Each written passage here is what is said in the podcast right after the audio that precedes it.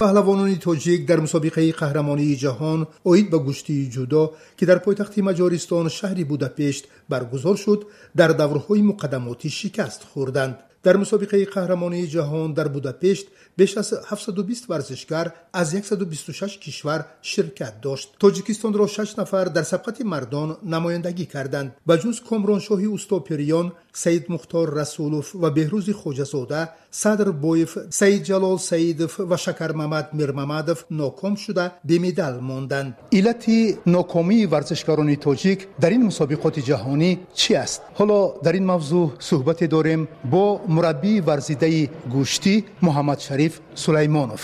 Нахуст назари шумо дар бораи نتایج شرکت ورزشکاران تاجیک در مسابقات قهرمانی جودای جهان. حقیقت حال رو گویم. برای با موفقیت برآمد کردن دسته منتخب جمهوری تاجیکستان عموما در کدام رشته که نباشد برای تیار کردن دسته منتخب مبلغ های زیادی لازم است که در طوری یک سال یا اینکه چهار سالی که سیکل بازی های المپی هستند برای اینها مبلغ زیادی لازم است که ورزشکاران رو در مسابقه های بین المللی بیرون از جمهوری تویستان باید شرکت ورزند و در یک سال کم 6 7 مرتبه مشق‌های دسته جمعی باید برگزار گردد و دسته منتخب جمهوری تویستان در همه وزن‌ها باید دو نفر سه نفری اقلا در یک تالاری متمرکزانیده شده با یک سرمربی و با چند مربی دیگر باید در اونجا تمرین گذرانند و با تمام مسابقه ها تئوری جدی بینند. ولی در طول چند سال ها من دیده استودم که دسته منتخب جمهوری تویستان اوید به جدا پراکنده هستند. یک قسمش در یک تالار و یک قسمش در دیگر تالار. عموما کسی از حال دسته منتخب جمهوری تویستان در رشته جدا از سرمربی هم تا حتی پرسش نمی‌کردن. رحیم سرمربی دسته از وی چند بار منم پرسیدم که دسته منتخب چه دارد.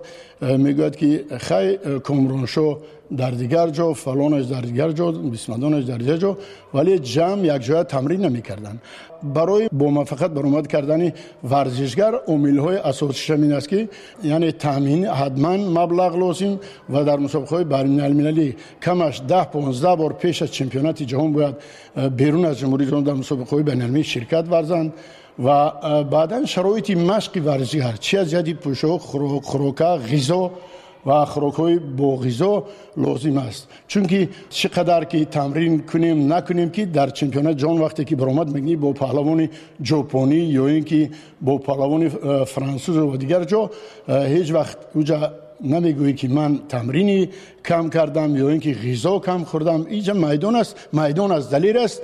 چه هنر و حرکتی که داری در اونجا قوازمایی می‌کنی غالب دست بالا می شود و کسی که بوی میتیز از میدان خارج کرده می شود واقعا یکی از شاگردان شما پهلوان معروفی تاجیک خوشقدم خسروف که عضو دسته منتخب جدای تاجیکستان است در این مسابقات شرکت نکرد سبب چی است بله در مسئله برآمد خوشقدم خسروف که در وزن 66 کیلوگرم باید در چمپیونات جهان شرکت می‌ورزید من ده 15 روز پیش از سفری به شهر بوداپشت کردن دوزایستان تاجیک با رئیس فدراسیون گوشتنی زودا نورالله لایق صحبت تلفنی داشتم.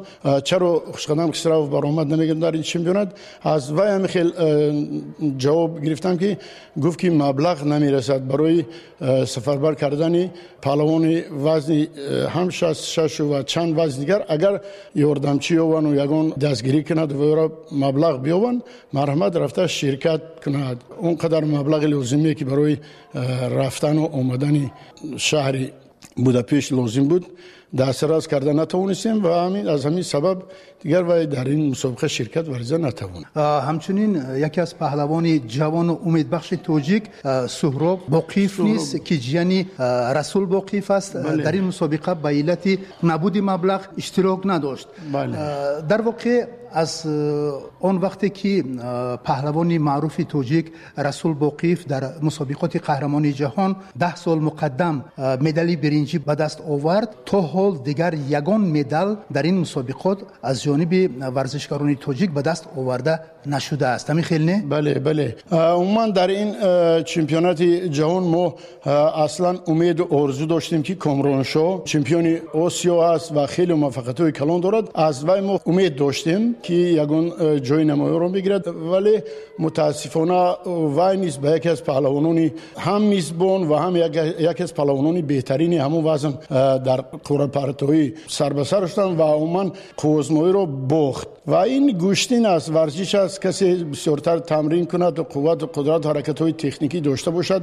اینجا گفتن هم نمی‌تونه پهلوان زور بود و کم قوت بود. چون که در میدان که برآمد این گپ بهانه کردن نمیشه باید کامرانشو تمام حرکت به جا می آورد و به موفقیت نویل می شد ولی افسوس که این خیلی نشد و در وزن 73 کیلوگرم بهروز خوجزاده یکی از پهلوانان جوان امیدبخش ما از اون خیلی امیدی نداشتیم که در این چمپیونات جهان غلبه به دست آورد. چون اولین بار در این خیلی مسابقاتی درجه بلند برآمد کرد و ما از او خیلی خرسان شدیم. من چون که تماشا کردم با یک حرکت های نوچیز با یک آگاهی و قوزمایی را بخ و از سبقت خارج شد. و دیگر وزن ها من شکر محمد میر محمد نیز جوان از همه جوانترین ورزشگر که در چمپیونات جهان شرکت ورز. او هم خیلی خوب برآمد کرد. اگرچه جایزه دارم نشدن که سبقت های خوب کردن.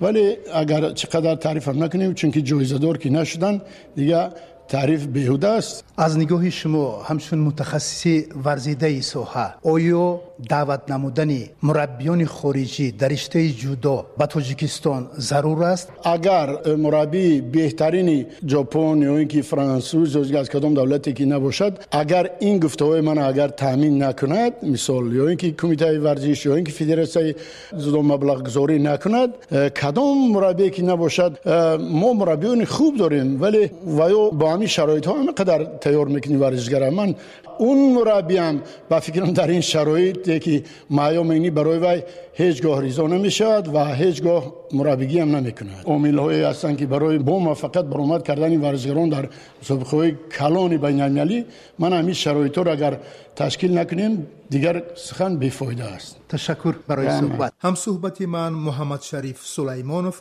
پهلوانی معروف و مربی ورزیده گوشتی بود.